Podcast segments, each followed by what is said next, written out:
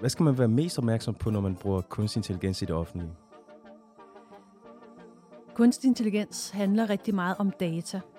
Det, man skal være opmærksom på, det er, at man sidder med almindelige menneskers, borgernes personlige data rigtig tit i den offentlige sektor. Og borgerne, de har stor tillid til den offentlige sektor, ved vi fra undersøgelser.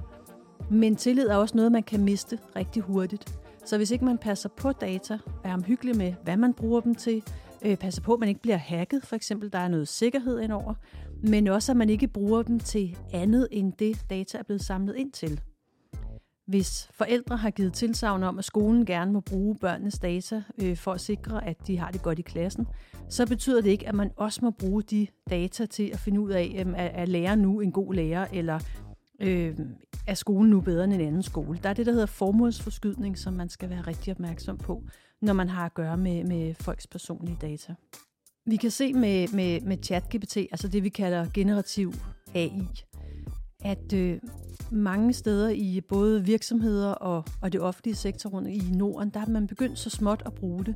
Det, man skal være opmærksom på, det er, at når man bruger øh, det, vi kender som ChatGPT-modellen, som jo er OpenAI's egen model, så ligger altså hver gang man putter noget ud, når man laver en, en prompt, altså en forespørgsel,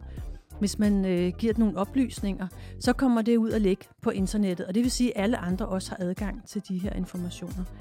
Så lige i den her type kunstig intelligens, der skal man være utrolig opmærksom på, om man sidder på et sikkert net,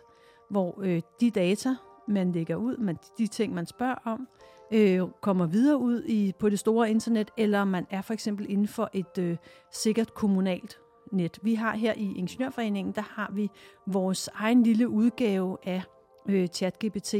så vi kan bruge det uden at andre end os øh, selv, der sidder her i huset, kan se, hvad det egentlig er for nogle data, vi lægger ud.